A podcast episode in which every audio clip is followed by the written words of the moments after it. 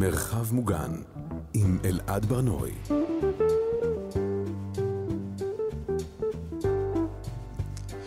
שלום, אתם על מרחב מוגן, אנחנו מדברים כאן על שגרה בימים בלתי שגרתיים. אני אלעד ברנועי, בכל פרק אני משוחח עם מישהי או מישהו אחר על היום-יום שלהם, והיום איתי באולפן השחקן והתסריטאי יניב פולישוק. שלום יניב. אהלן, אהלן. מה העניינים? אני רק חייב לציין שהפתיח שלכם מאוד נעים. אה, תודה רבה, תודה רבה. נחמד. זה מתוך שיר של אה, ביל ווית'רס. לדעתי כבר אמרתי את זה פה, אבל אני אגיד את זה שוב. כי הוא נעים, זה חשוב. יניב, אתה בדרך כלל, אה, יש לך שגרה מסודרת, קבועה? אה, אני מאוד משתדל שכן. אני, אני, נדמה לי שאני זוכר את עצמי לפני הרבה הרבה שנים אומר למישהו, מישהי, שיש לי שגרה מאוד מסודרת. בגלל שהחיים שלי והמקצוע שלי כל כך לא יציבים וכל כך משתנים מרגע לרגע, אז הייתי חייב, אה, כבר, כבר מההתחלה הבנתי שאני חייב שיהיה לי איזושהי מסגרת של שגרה של החיים שלי, כי אחרת הכל בלאגן מאוד גדול. איך הדבר הזה נראה בדרך כלל? נגיד, אם אני צריך עכשיו לשאול אה, איך נראה יום טיפוסי של יניב פולישוק, איך זה, איך זה מתחיל? אוף, אין יום טיפוסי. לא, תראה, הבוקר שלי תמיד יתחיל אבל באותו דבר.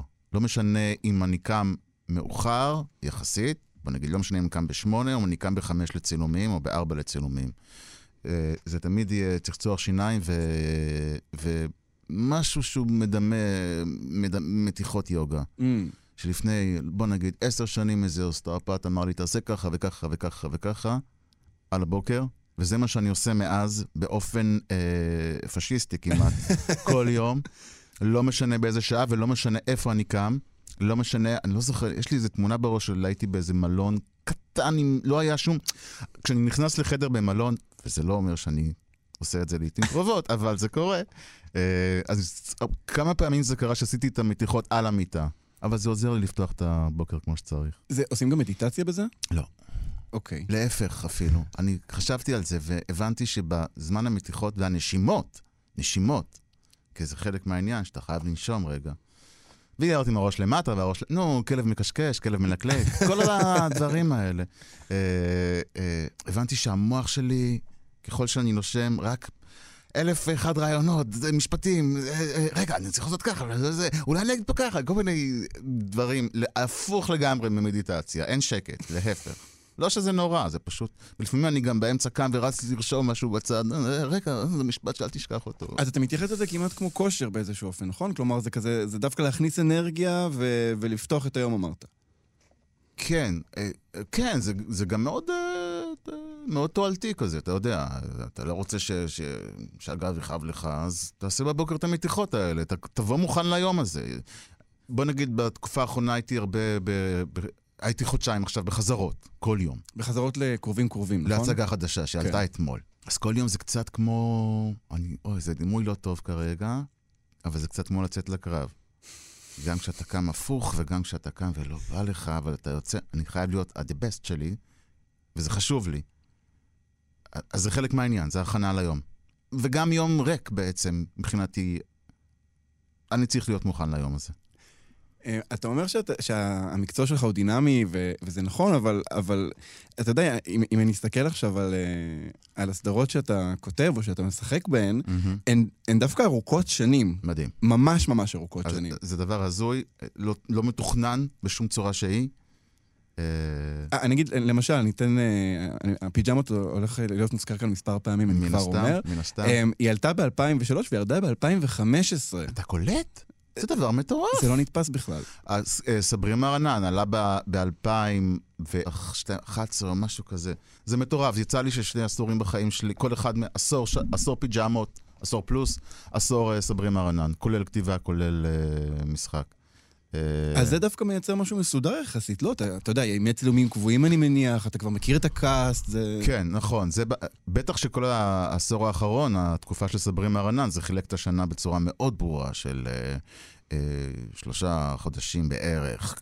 אתה יושב, אתה כותב, כי יש לך 40 פרקים, במקרה שלי 20 פרקים, כי אני כותב בעיקר את המשפחה שלי, את הפרקים של המשפחה מהמגזר שלי.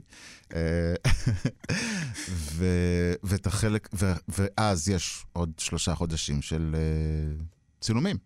ואחרי זה קצת אה, עריכה, שאני לא, מנור, לא מאוד פעיל בה, אני רק מגיע לשל... ליום האחרון לסגור את ה... לאשר סגירת פרק סופי. אה, אז כן, אז זה מאוד מסודר ומאוד אה, מתוכנן. אה, אבל זה כשאתה, זה, זה המצב האופטימלי, אבל צא מנקודת הנחה שאנחנו לא תמיד, מה זה לא תמיד? אנחנו אף פעם לא יודעים שתבוא עוד עונה. זה נכון היה גם לפיג'מות, אה, וזה בטח שזה נכון לגבי סברי מרנן. כשסיימנו לצלם עונה, זה תמיד הייתה העונה האחרונה. לא, לא יהיו יותר עונות, רובי ואני אמרנו לעצמנו. לא יהיו. אה, קשת לא עשו שום אה, איתות של אנחנו מעוניינים בעוד עונה, להפך.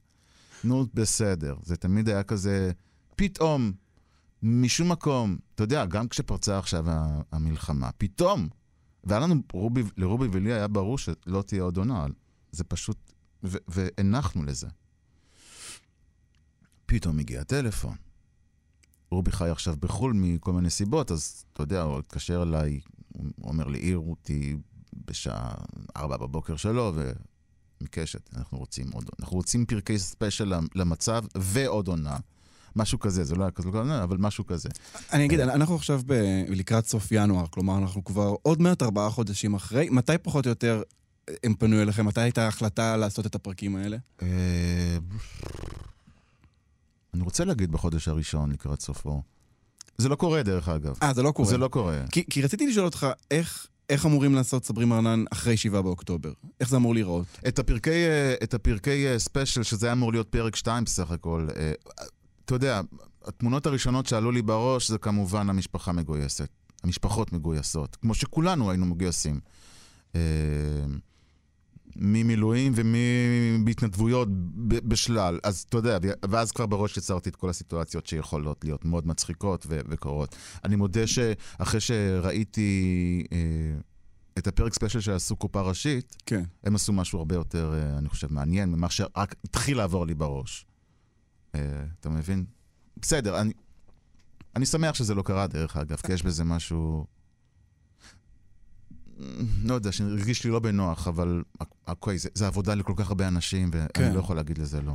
אתה יודע אם זה יעלה לעונה תשיעית? אנחנו, זה, זה אנחנו. באמצע עונה שמינית, מבחינת, השידור, מבחינת כן. השידורים. 아, שודרה כלומר... חצי עונה, ומתישהו, זה אצלם על המדף, מתישהו הם ישדרו את החצי השני המסיים של העונה. אני לא חושב שתהיה עוד עונה. אתה לא חושב שתהיה עוד עונה? לא, אבל אני אומר את זה כל שנה, מאז 2012. כי באמת, נשאלת כל הזמן השאלה, איך אפשר עכשיו לעלות, אתה יודע, נגיד, יעלו פרקים והם עלולים להרגיש מאוד לא רלוונטיים מבחינת האווירה ומבחינת... כן, אבל זו סדרה אסקפיזם מוחלט. כל מי ש...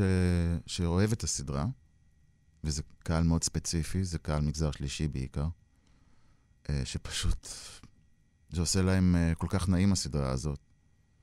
אה, האנשים הכי, שאתה לא, שאני לא מצפה שהם יהיו הקהל של הסדרה הזאת מבחינת, ניגשה לה אתמול או שלשום, לא משנה, איזה קיבוצניקית, כי עשינו את החזרות בקיבוץ יקום, וניגשה לה מישהי שאחראית, אישה מאוד uh, קיבוצניקית uh, מהסוג הקר, ולא, שום דבר לא מרשים אותה. כן. והיא השתפכה, היא פשוט uh, שלולית על כמה היא אוהבת את סברי מרנן וכמה זה עושה לה טוב שהיא באה הביתה ושמה פרק כלשהו. דביר שמן, דביר רזה, זה לא מעניין אותה. כלשהו זה עושה לה טוב עליה מהצוות, שהיא אישה גם, שלא חוסכת uh, מילים uh, ולא אוהבת הרבה דברים. אמרה לי, אוי, איך אני אוהבת את הסדרה שלכם, זה כמו, אני באה הביתה, זה כמו להתעטף בשמיכה ישנה ומסריחה, ככה זה מרגיש לי הכי כיף בעולם. אה, אז, אה, אז כן, אז אפשר. אז אפשר וצריך. כי זה אסקפיזם. אז נגיד, אם, אם, אם אתה, לא יודע, עוד כמה חודשים, אה, נגיד שכן מחדשים את זה לעונה תשיעית, mm-hmm. אתה מבחינתך ממשיך כמו שזה היה לפני? לא יודע. אין לי תשובה לזה. אני לא כותב את זה לבד, אני כותב את זה עם, uh, עם רובי. Uh, אז אני לא יודע להגיד לך על זה. אני יכול להגיד לך שאני כן עכשיו מפתח איזה משהו שכאילו לכאורה לא קשור, אבל הוא מושפע מאוד מהסיטואציה. סדרת טלוויזיה. כן, אני לא יודע אם זה יצא לפועל, אבל זה לא משנה. הפיתוח כן. uh, היה מאוד... בום על זה. אני כאילו, אני מבחינתי, אתה יודע, כאילו פתרתי פה איזה משהו, וואו, הצלחתי איכשהו, בלה בלה בלה, אבל אתה יודע. אז כן. אבל סברי מהרנן, אני לא בטוח שזה חייב להיות אה, קשור לאירוע. אמרת שאנשים ניגשים אליך, אז אה, יש את סביר מרנן, ואמרת שזה בעיקר המגזר השלישי, נכון? מהמם, נכון. אה, ומצידו השני של המתרס, אה, אני אספר. הפיג'מות היא סדרת קאלט. אה, שבאמת, כמו שאמרנו, עלתה בשנת 2003, ודור ה-Z, כלומר, פחות או יותר מי שפחות מתחת, ל- מתחת לגיל 30 היום, מהמם. הם אה, באובססיה מאוד מאוד קשה עם הסדרה הזאת. אה, ב- ברמה שאנחנו, אני אשאל אותך עוד מעט מה אתה חושב על זה, אבל אני כן אספר שכשאני סיפרתי שאני הולך לראיין אותך, אז התגובות של כל מי שהוא בן 20 ומשהו היו פשוט מחורפנות, וגם לפני ההקלטה הייתה איזו תכונה קטנה, קטנה כאן בחוץ. אמ, פונים אליך ואומרים לך, היי, גרי, המבורגרי? כי זה הדמות שלך מהפיג'מות? כן, זה, זה, אני, אני רוכב על אופניים, זה הכלי אה, כלי רכב שלי בעיר, אני גר בתל אביב. אה, אז זה תמיד, אה, אני יכול, אתה יודע, אני עם משקפיים וכובע, בדרך כלל. כי אני קרח, ואני ות- וזה נורא נחמד, כי תמיד, לפחות פעם ביום כשאני חולף, זה גרי! זה תמיד כאלה צעקות של גרי! אתה יודע, איך, אתה יודע איך קלטת? זה תמיד מכל מיני כאלה שליחים של וולט. גרי! מת עליך! כאלה מין, אתה יודע. מס, נהגי משאית, גרי! זה כל מיני אנשים שגדלו עליי, וזה מה שהם היום, אתה מבין? וזה נורא, זה מאוד נחמד. אני ראיתי, אה, אה, לפני, לפני ההקלטה, ראיתי סרטון מהופעה שלך עם הפיג'מות, נכון. שאתה שר את אה, שים לי עוד קטשופ. שים לי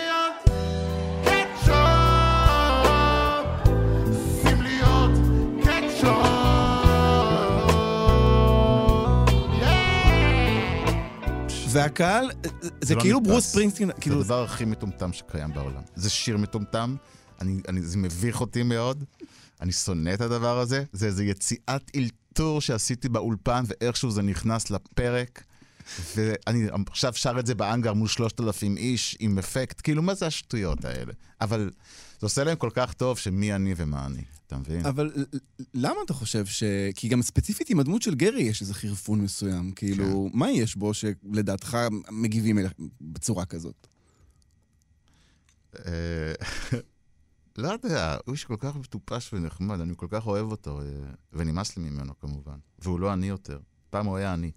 אה, פעם, הדמות, היית- הייתם דומים? כן, בטח. כשרובי הביא אותי לתפקיד הזה, אז היינו חברים, אתה יודע, אז בעיקר היינו חברים מאוד טובים, ומשהו שמאוד ייחד אותנו היה מיזנטרופיה מאוד אה, חזקה, שנאה מאוד אה, כללית להכל ולכולם. אה, וזה האיש הזה. ורובי מאוד נתן לי אה, יד חופשית לעשות מה שאני רוצה. אה, והטקסטים תמיד היו, לא היינו מרוצים מהטקסטים. עד שהתחלנו לכתוב. וגם כשהתחלנו לכתוב. אתה יודע, כשהתחל... אז היה לי יד חופשית, אז הרוב היה מאוד מאולתר, ותמיד הכל הלך ל... המשפחה שהייתה לי, זה המשפחה שתמיד אה, דמיינתי שזה... ה-Worst case scenario, כאילו, זה המשפחה שתהיה. זה הסיוטים שלי, אתה מבין? שזה, אבא חד-הורי לילדה. לא, מה פתאום? יש את שפרה. שפרה? יצרתי דמות שפרה. יו, הנה, אני מקבל מבטי תוכחה מה, מהמפיקה טל, כן? שפרה היא. דמות, היא דמות אה, שאני לא זוכר איך היא, פתאום היא, היא נוצרה, אה, היא לא, אף פעם לא נראתה. רק, אני רק מדבר איתה בטלפון והיא הורגת אותי. הורגת לי את החיים. זה כל הזמן היא מתקשרת וכל הזמן היא אישה מאוד גדולה, שפרה, והיא רוצה שאני אלך לסופר ואני אביא לה דברים, ואני פשוט בא לי להרוג אותה תמיד. וזאת... היא נהייתה דמות מאוד uh, חשובה, שפרה. Uh, כשעשינו עכשיו את המופע, עשינו מופע שדרך אגב גם נקרא המרחב המוגן, שזה עודד ואילן ואני מהפיג'מות. אנחנו נתבע אתכם אחר כך על זכויות יוצרים. זה היה לפניכם. אוקיי. זה פשוט היה לפניכם, זה היה בשבוע השני או. משהו כזה. עשינו מופע ב... בצוותא בלי קהל כמובן, כי זו זו הייתה תקופה מאוד חזקה עדיין של האזעקות. אה, אבל זה שודר ב... ל... לא יודע, אה, מישהו, איזה מישהו הייטקיסט עם כסף עשה כזה מיזם של הופעות בצוותא, שהוא שידר החוצה באינטרנט Mm. דרך איזשהו אתר, ב live. אז זה היה הופעות של, של כל מיני זמרים ה-the best, ו, ואז גם פתאום אנחנו הפיג'מות. והקטון היה מאוד, אה, עודד אה, היה מאוד ייצוגי, ונתנו עיבודים. דנה פרידר שרה את נערה חשמלית, שזה שיר להיט מאוד גדול מהפסטיגל, אבל מאוד קצבי, אז היא נתנה לזה עיבוד עם גיטרה, Mm. אקוסטי מאוד זה וזה. ואני נכנסתי בתור גרי כמובן, עם החולצה האפורה, והרגשתי צורך להרים ולפוצץ את האירוע, כי זה גרי. ואז הלכתי על הכיוון ששיפרה מגויסת. עכשיו, בגלל ששיפרה מאוד גדולה, אז היא חוסמת את ה... שמו אותה לחסום, את הגוש הניחו שם לחסום את הגדר. וזה היה מאוד מאוד מצחיק. אה, על מה דיברנו? דיברנו. לא, אנחנו- עדיין מדברים על גרי. אה, תראה, זה מעניין מה שאמרת. למה אוהבים את גרי? כי הוא איש באמת, אה, שהוא אומר את ה... בפנים. הוא שונא, הוא לא אוהב, הוא לא נחמד, הוא לא מתנחמד, אבל הוא מאוד מאוד מאוד חינני. אה, אה, מקודם למטה סיפרתי למחלקת הדיגיטל, אה, לכמה חבר'ה בני 20 ומשהו, שהדבר הזה הולך לקרות, ורותם אמרה, אתה יודע מה הסיפור עם גרי? זה שהוא אמר את כל מה שאנחנו לא, לא, לא הסכמנו איתו, ועכשיו אנחנו מבינים שהוא צדק. עכשיו שאנחנו מתבגרים, היא אמרה, גרי צדק. כלומר, כל המיזנטרופיה וכל הדבר הזה, היא אמרה, דמות של בומר כזה, ואיכשהו עכשיו זה פתאום נראה לה הגיוני. כן, כן, כן, כן, כן. לא, תשמע, עשיתי לפיג'מות, עשינו רובי ואני סדרת בת שנקראת אה, גרי מלדבם בלש פרטי. זו סדרה מאוד מאוד טובה. כן. שפשוט לא הספקנו, בגלל שנכנס סברימה רנן, לא הספקנו לפתח לה עוד, אה, עוד עונה או, או חמש מבחינתי. אבל כל פרק מתחיל, או לפחות, אני לא יודע, אני לא זוכר אם מתחיל, אבל בכל פרק יש את גרי, הוא, הוא נמצא, ה location זה, ה setting זה משרד בלשות, ויש חדר חקירות עם מראה דו-צדדית, הוא לא יודע שזאת מראה דו-צדדית, מבחינתו זה מראה, אז הוא מדבר אה, אל המראה, הוא מוציא את כל מה שיש לו על העולם, של מה הוא חווה היום. לפעמים זה על שפרה אשתו, לפעמים זה על החיים, לפעמים זה על נסיעה באוטובוס, ולפעמים זה על זה שאנשים לא שמים דאודורנט, והשנה היא זה וזה, ואנשים אתם... הריח שלכם. לא משנה, אתה מבין? זה הכל מונולוגים כאלה על, על כמה החיים מעצבנים וזה, ויש בזה הרבה אמיתות קשות.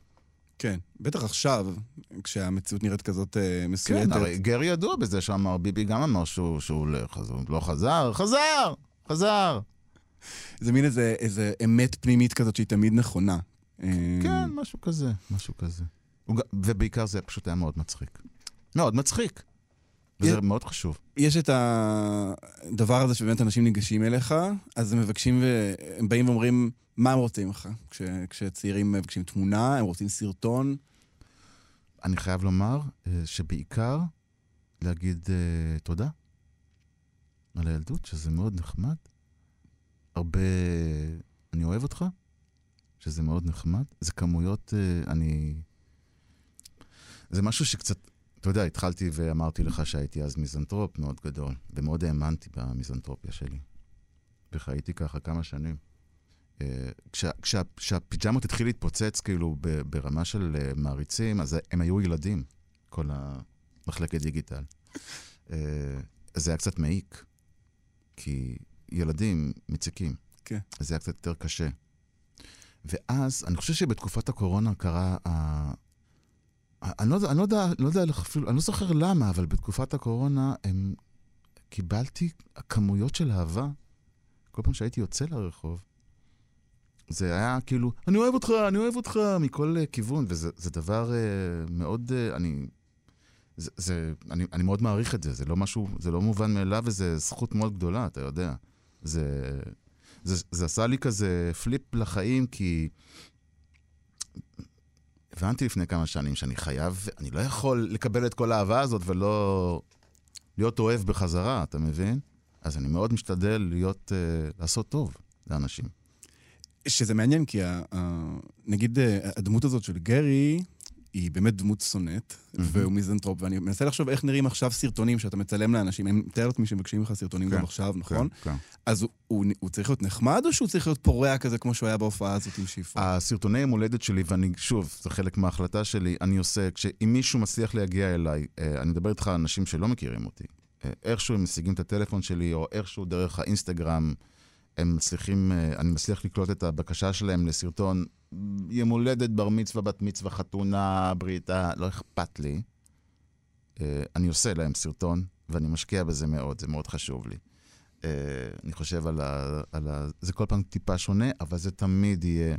אם זה מעריצי גרי, אז זה תמיד יהיה... אה, זה יכלול גרי, אבל זה יהיה טיפה יותר מחוייך ו...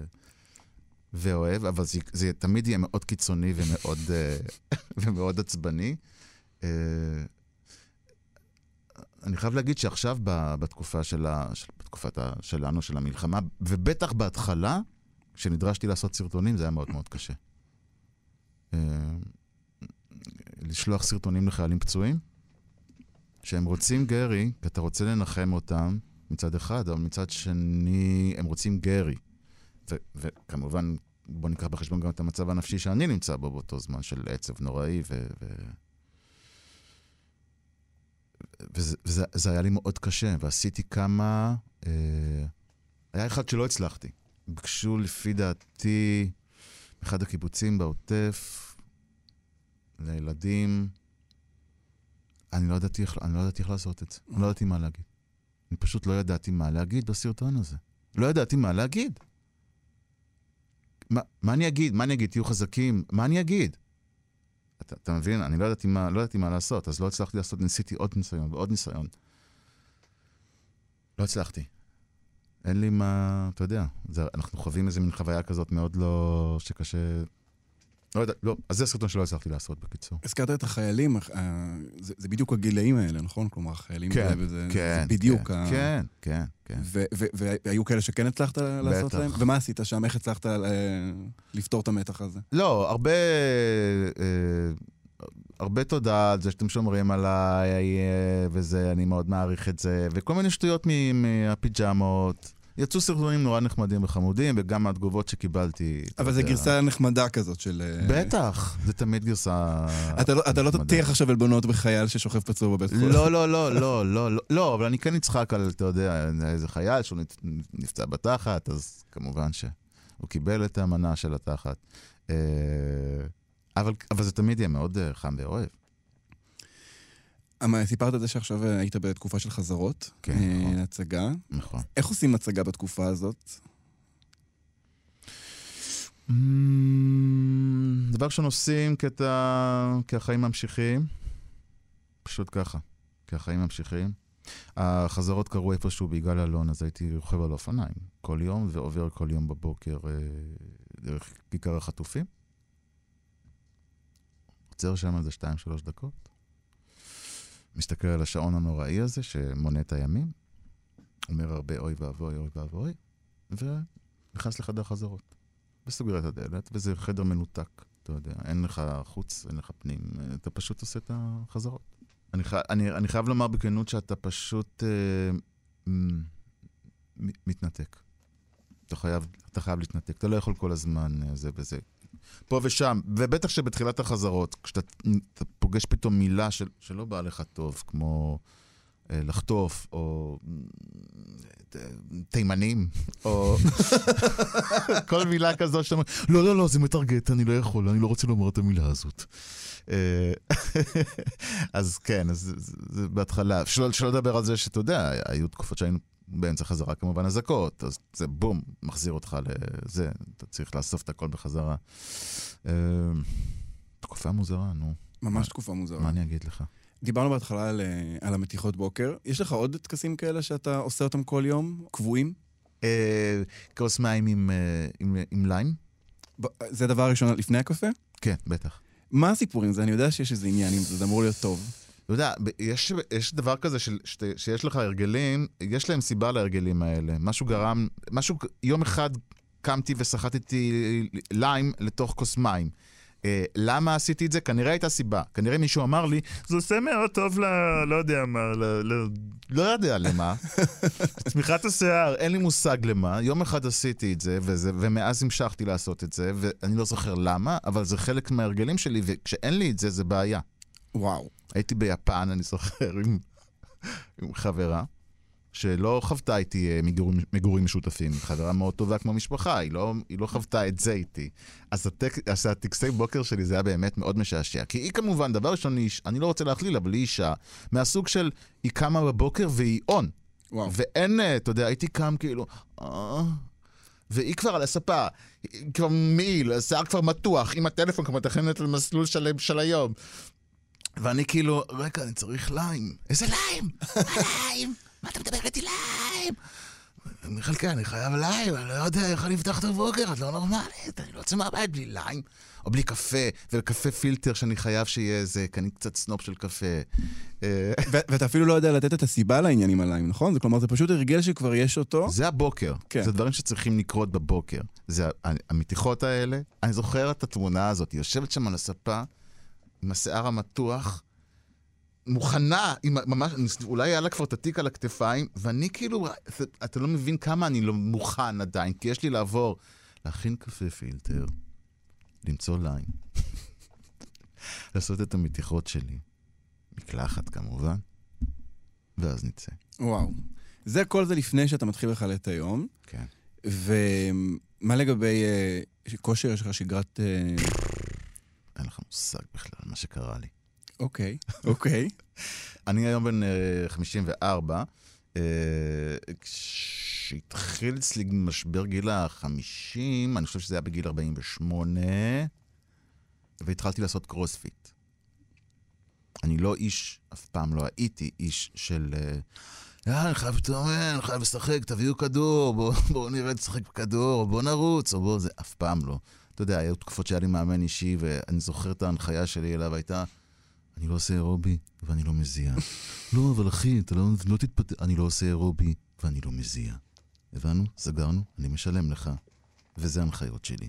מפה, תעשה אותי יפה. יאללה. Uh, ופתאום הלכתי לעשות אימון ניסיון בקרוספיט, שהיה... אני חשבתי שאני הולך למות בכל רגע. אמרתי, לא, אני לא רוצה... לא, אין מצב שאני... זו, זה, עכשיו, זה סופי. אני, פה זה נגמר האירוע הזה שנקרא החיים שלי.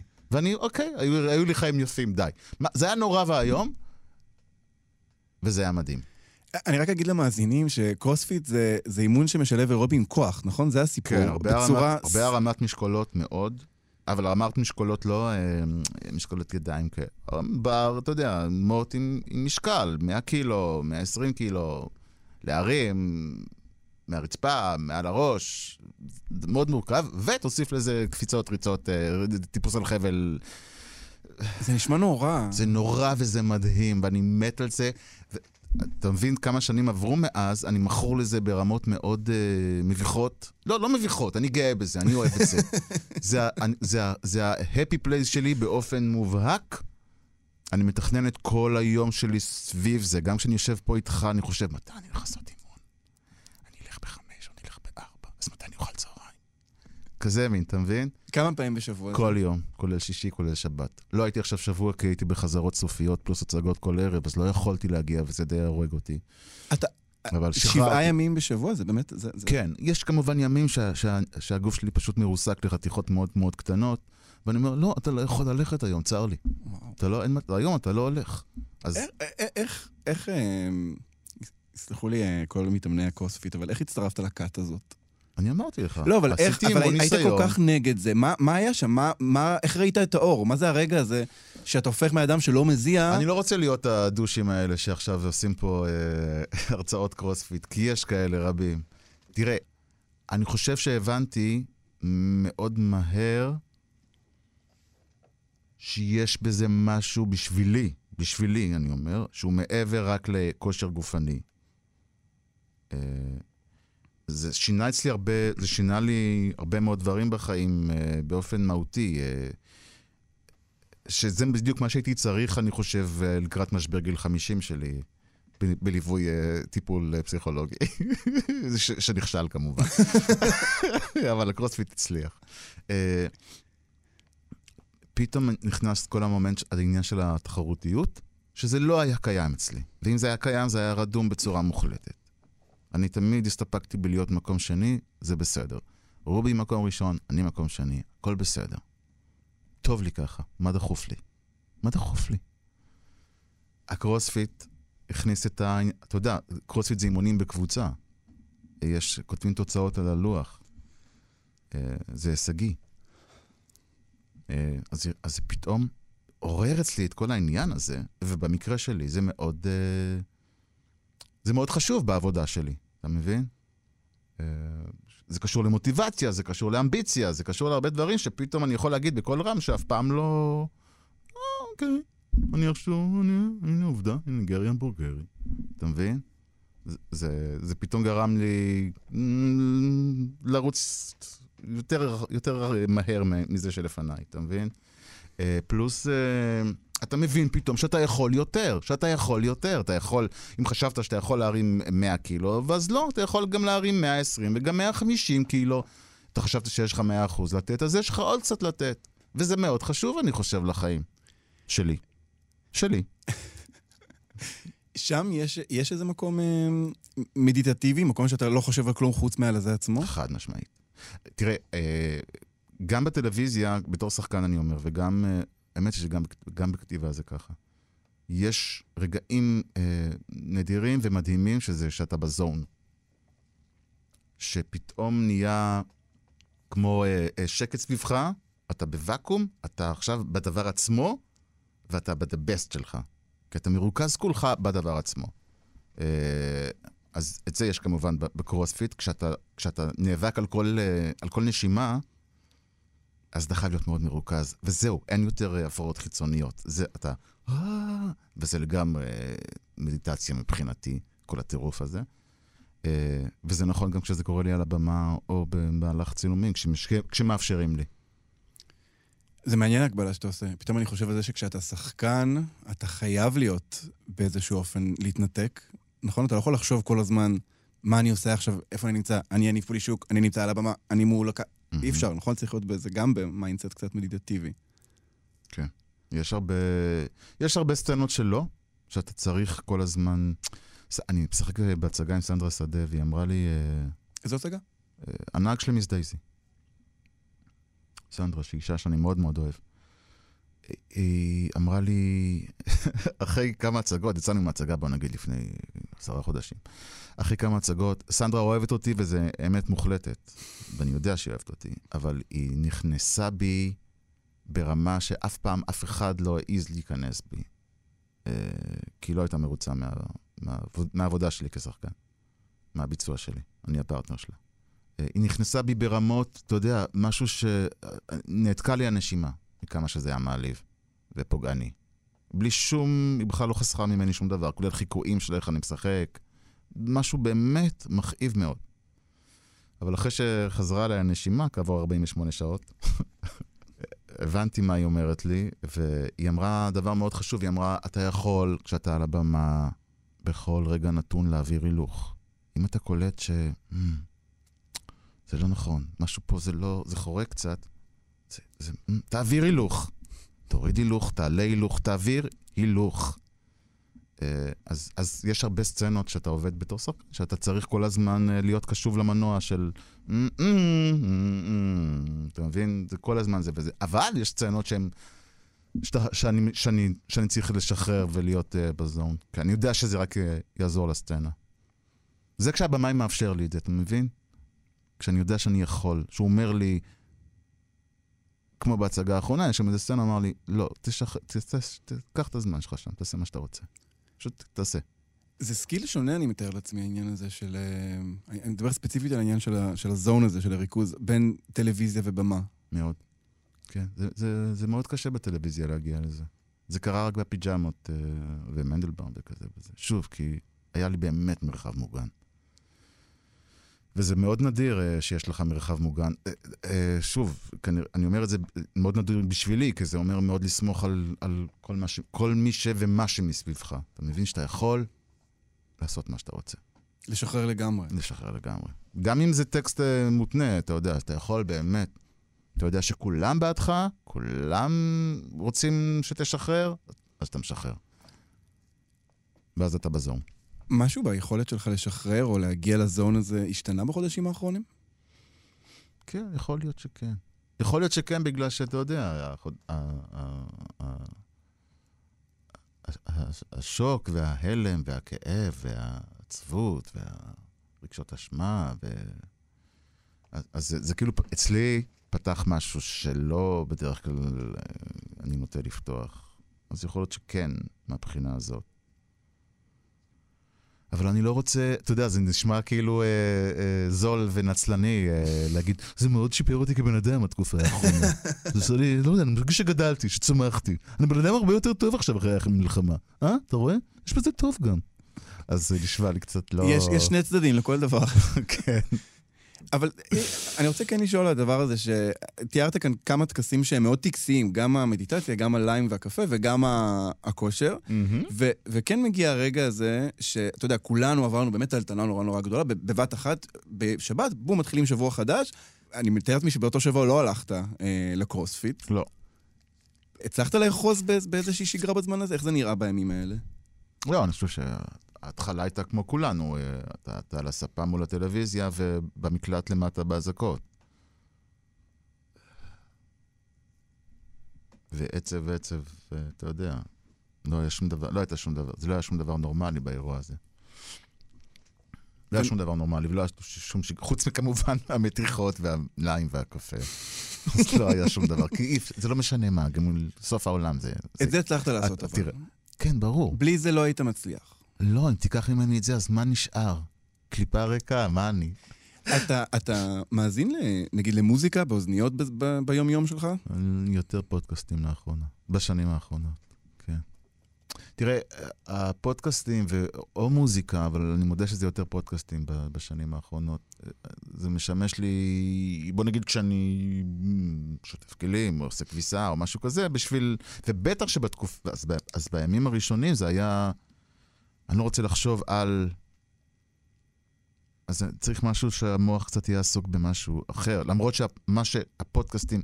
אני, עד שהתחילה המהפכה השלטונית, הייתי מקשיב לפודקאסטים אה, בינלאומיים, בעיקר בענייני הומור, כל החשודים המיידיים, אה, קונן אבריין ושות', בסדר? כשהתחילה ההפיכה אה, וההפגנות, אז עברתי לפודקאסטים ישראלים, הרבה של התאגיד, כי זה, כי זה היה חשוב לי וזה היה, אתה יודע, זה היה עולמי באותו, באותו, באותו זמן. אז כשפרצה המלחמה, הפודקאסטים שהקשבתי להם, לא, בהתחלה ניסיתי להקשיב בבקרים ל, לרשת ב', אתה יודע, עם הטרנזיסטור, שבעצם זה רק עם אוזניות, אבל זה היה יותר, זה היה יותר מדי, זה היה פשוט יותר מדי. לא, זה היה פשוט יותר מדי, ואז הקשבתי לפודקאסטים של, שהם כולם היו מסוג של ניתוחים או תמונת מצב, מאנשים שאני מעריך את דעתם, אתה מבין? אני חושב שספרים זה הדבר היחידי שהצלחתי, שהייתי חייב.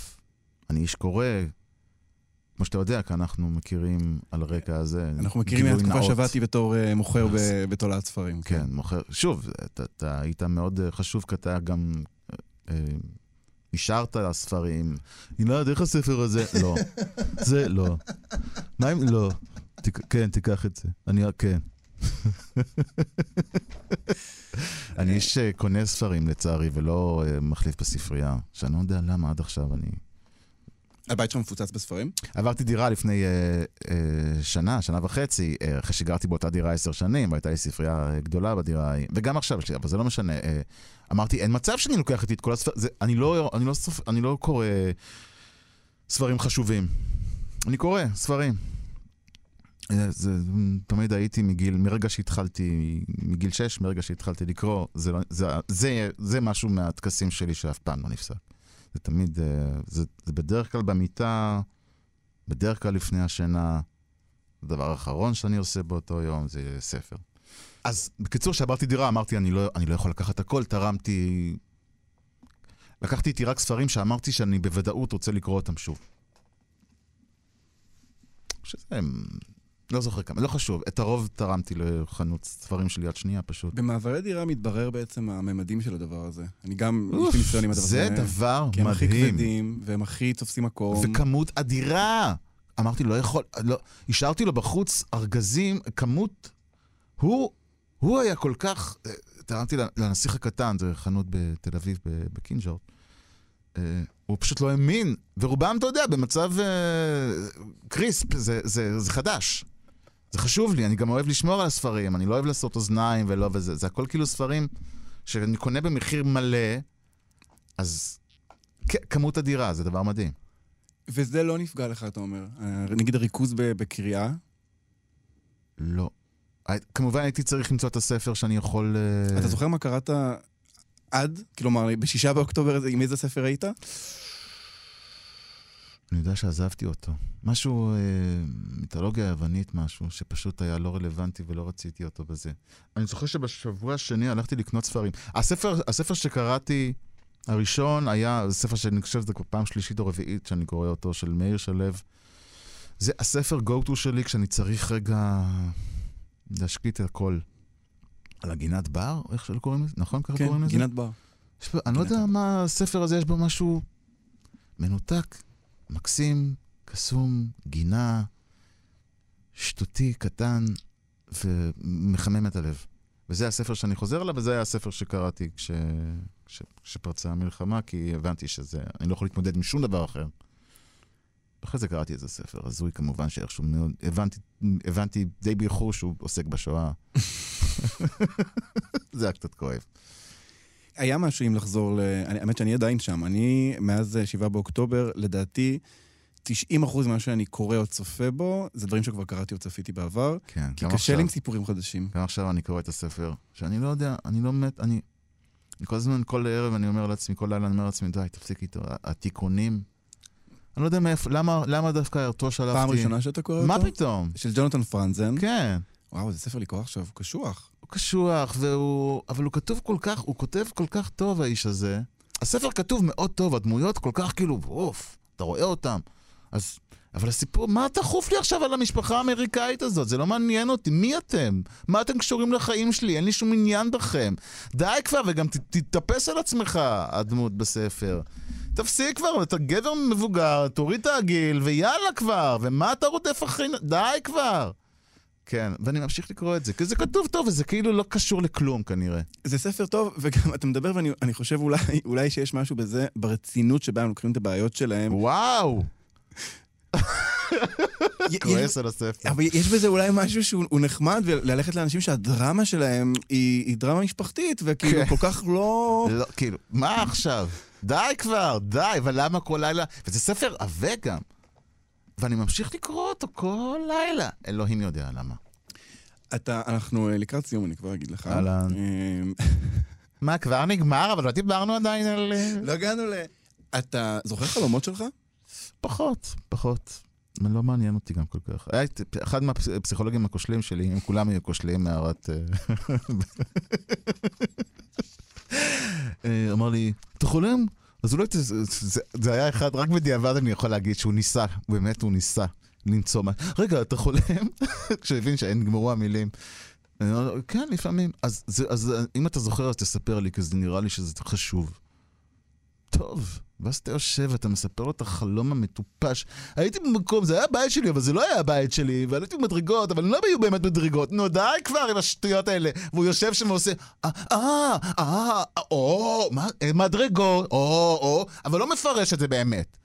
רק רושם לעצמו משהו. מה יצא לי מהאירוע הזה לעזאזל? נשמע שהניסיון שלך עם פסיכולוגיה לא... אה, לא אוי, זה פשוט... לא. לצערי לא. לצערי לא, כי אני כל כך, כל כך מוקף באנשים שאומרים, פסיכולוג שלי שינה לי את החיים. כן. פשוט שינה לי את החיים. או, משפט שגם אהוב עליי, זה כל, אחרי כל טיפול אני, אני יוצאת עם, עם תובנה חדשה על עצמי. נו, די. לא אני, זאת אומרת, כן, הלוואי, לא אני. אתה, ברגיל... כמו אתה- שאתה מבין, עוד נשאר בי קצת מהגרי המבורגר. הגענו אליו בסוף, הגענו אליו. אתה, אתה, יש לך, אתה בן אדם חרדתי כאילו ב- ביום? לא. אני חושב, אני איש, אני איש שחי אה, לבד, אני בלי משפחה ובלי ילדים, מה שמאוד מאוד מאוד מוריד את אה, סף החרדות.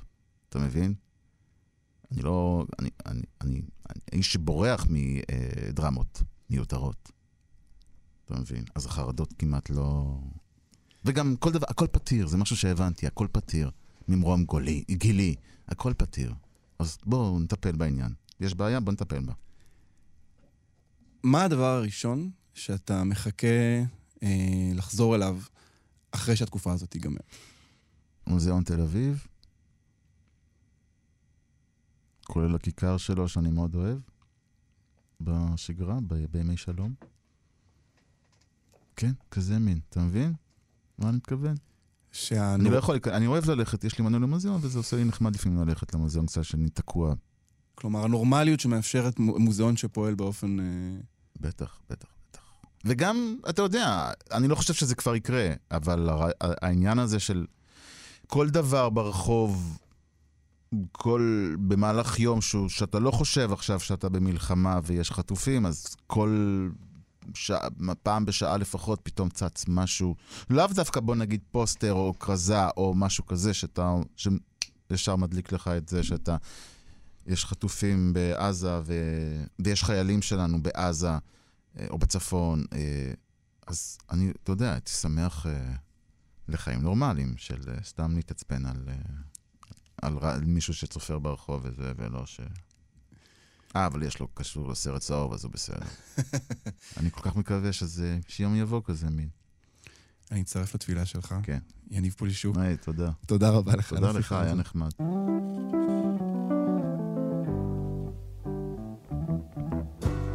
וזהו, עד כאן מרחב מוגן להיום. כל פרקי ההסכת זמינים באתר וביישומון כאן, ובכל מקום שבו אתם מאזינים לפודקאסטים. תודה לטל ניסן על ההפקה, תודה לדרור רוטשטיין הטכנאי, אני אלעד ברנועי, להתראות.